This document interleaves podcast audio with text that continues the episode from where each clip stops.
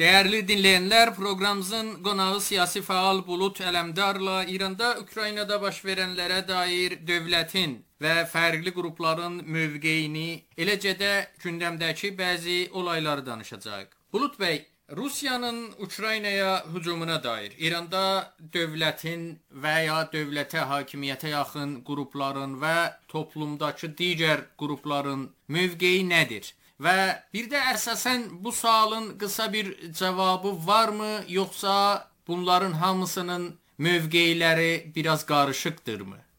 Salamlar, sayğılar bütün dinləyicilərə. İranın son 30 ildir Rusiya ilə ilgili hər zaman Rus yanlısı, Rus tərəfdarlığı olan bir mövqeyi ortaya qoymaqdadır. Bunu Çeçen, Çeçenistanın işğalında da gördük, bunu Krımın işğalında da gördük və bu səfər Ukraynaya Rusiyanın saldırgan tutumu və işğal girişimini İranın rəsmi orqanları, mediası və rəsmi açıqlamalarında Rusiyanın özəl hərəkatı deyə adlandırdılar. Sanki orada Ukraynada bir terror və ya bir nazizm hərəkatı vardır və Rusiya onu dəf etməyə, bitirməyə girir və işğalı məşru göstərməyə e, başladılar. Amma zaman keçdikcə biraz bu dünyadakı demokratik ölkələrin uluslararası baskının, ambargoların, təhrimlərin və tutumların Birləşmiş Millətlərin tutumunu biraz İran geri addım attı və yavaş-yavaş biraz e, sanki tərəfsiz görünməyə çalışır, amma yenə də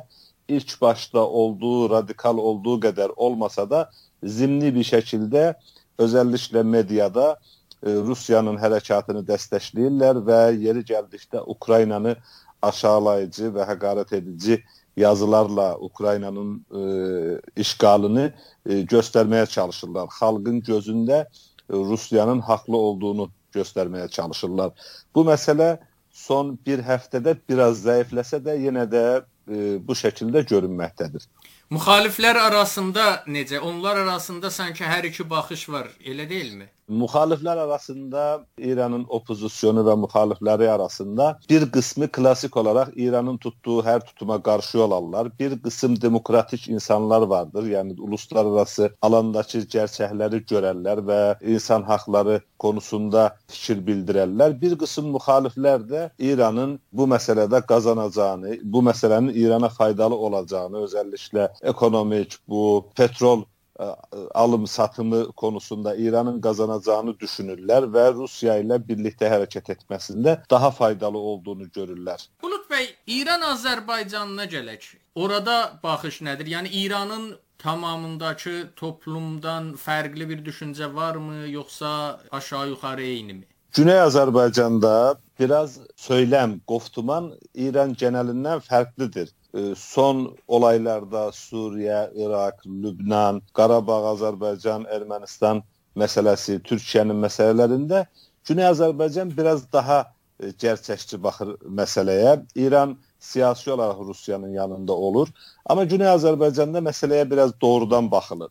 Güney Azərbaycanda çox az bir kəsim, çox-çox az əqəlliyyətdə olan bir kəsim e, Ukraynadakı rusların e, bağımsızlıq haqqının olduğunu, dövlət qurma haqqının olduğunu, e, Donbas və Luhanskın e, orada öz haqlarına sahib olma haqqını savunduqlarını gördüyümüz var. Amma e, çoxunluq olaraq uluslararası anlaşmalar və dünyadakı insani e, vəziyyətdən baxdığımızda Güney Azərbaycanlılar Rusiyanın işğalcı olduğunu və Ukraynanın əcəmən bir dövlət olduğunu və oradakı dövlətə bir saldırı, işgal girişimi Rusiyanın başlatdığını və oradakı insanların yurdundan, vətənindən göç etdiyini, başqa ölkələrə getmək zorunda qaldığını görürlər və biz də İranda bu sıxıntıları çəkirik. Biz də bir şəkildə İran dövləti tərəfindən baskıdayıq və bizim insanlarımız göçür, təbid olur, həbs olurlar və bu dərdi paylaşaraq Ukraynanın haqlı olduğunu və Ukraynanın yanında olduğunu bildirirlər və analizlər, baxışlar bu yöndədir. Yəni ümumiyyətlə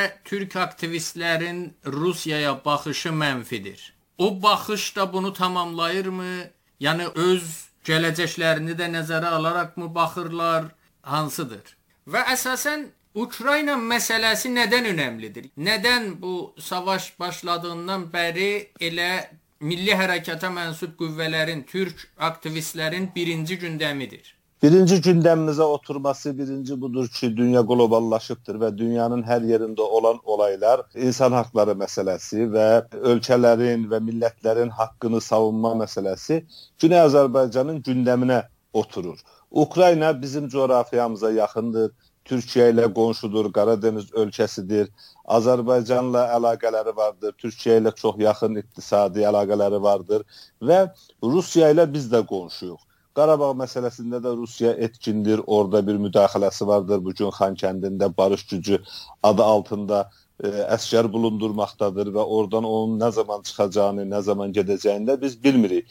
Bizim üçün mübhəm bir məsələdir. Ə, e, İranla İranın diktator dövləti ilə Rusiyanın diktator dövləti ə, e, Suriyədə, İraqda, yeri gəldiyində Afqanistanda, Qırğızistanda, e, bəzi bölgələrdə birlikdə hərəkət edirlər, özgürlüklərə qarşı, millətlərə qarşı diktatorca lazım olduğunda qətliam eləyirlər, e, bombalayırlar, terror əsdirirlər və bu bizi etkiləməkdədir. Yarın bir gün bizim də başımıza gələ bilər Rusiya, İran işbirliyi ilə bizim də xalqımıza saldıra bilərlər, bizim də torpağımızı e, silahla, tankla işğal etməyə girişə bilərlər. Onun üçün bizim bu məsələləri yaxından təqib edirik.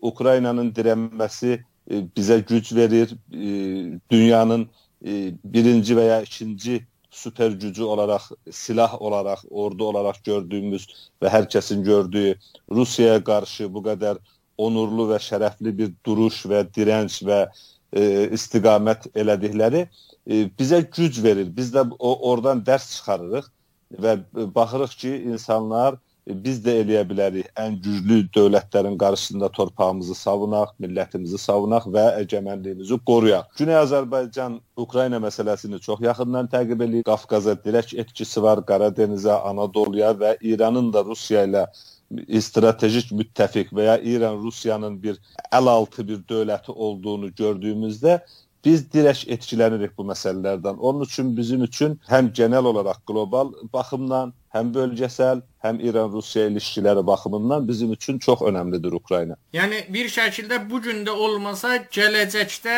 bunun öz coğrafiyasını, öz həyatını, həyatına təsir edən bir məsələ kimi görür.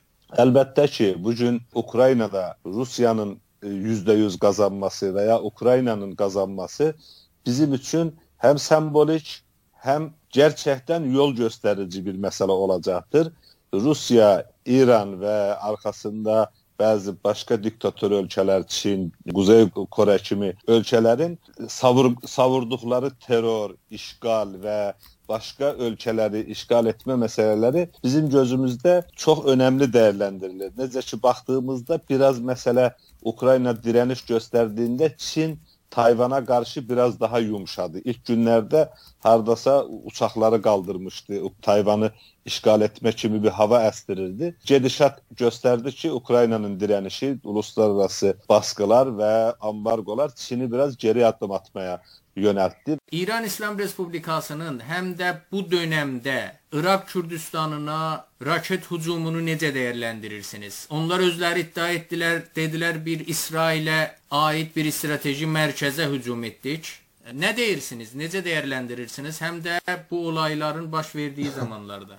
İran zaten İraqda terror əsdirir. İraq sokaklarında qətliam yapırlar. Oradakı İran tərəfdarı yandaşı olmayan bölgələrə istər raketlə, istər tankla, istər bombalama ilə qəzetəciləri orada öldürürlər. Bir tək Quzey İraq bölgəsində çox etkin deyillər. Orada çünki o İran tərəfdarı qruplar çox azınlıqdadılar. Türkiyənin nə zaman bölgəmizdə başarılı bir diplomatik və ya əskəri hərəkat göstərdiyində İran Güney Azərbaycan Təbriz üzərindən mesaj verməyə çalışır. Bu dəfələrlə belə olubdu. Qarabağ savaşında da bu şəkildə oldu. Quzey İraq referendumunda da bu şəkildə oldu. Türkiyənin Suriyədəki PKK terroruna qarşı yaptığı hərəkatda da bu şəkildə oldu. Urmiyədə İranın tətbiqat yaptığı dönəm oldu. Orada Təbrizin və Güney Azərbaycanın İrandakı türklərin adının səsləndirilməsi Türkiyəyə bir mesaj verir. Türkiye'nin bölgede etkin olmasından e, canı sıkılır ve Türkiye'nin başarılarını həzm bilmir. Ona göre bir hərəkat geliştirmeye başlayır, özünü təmin etmək üçün.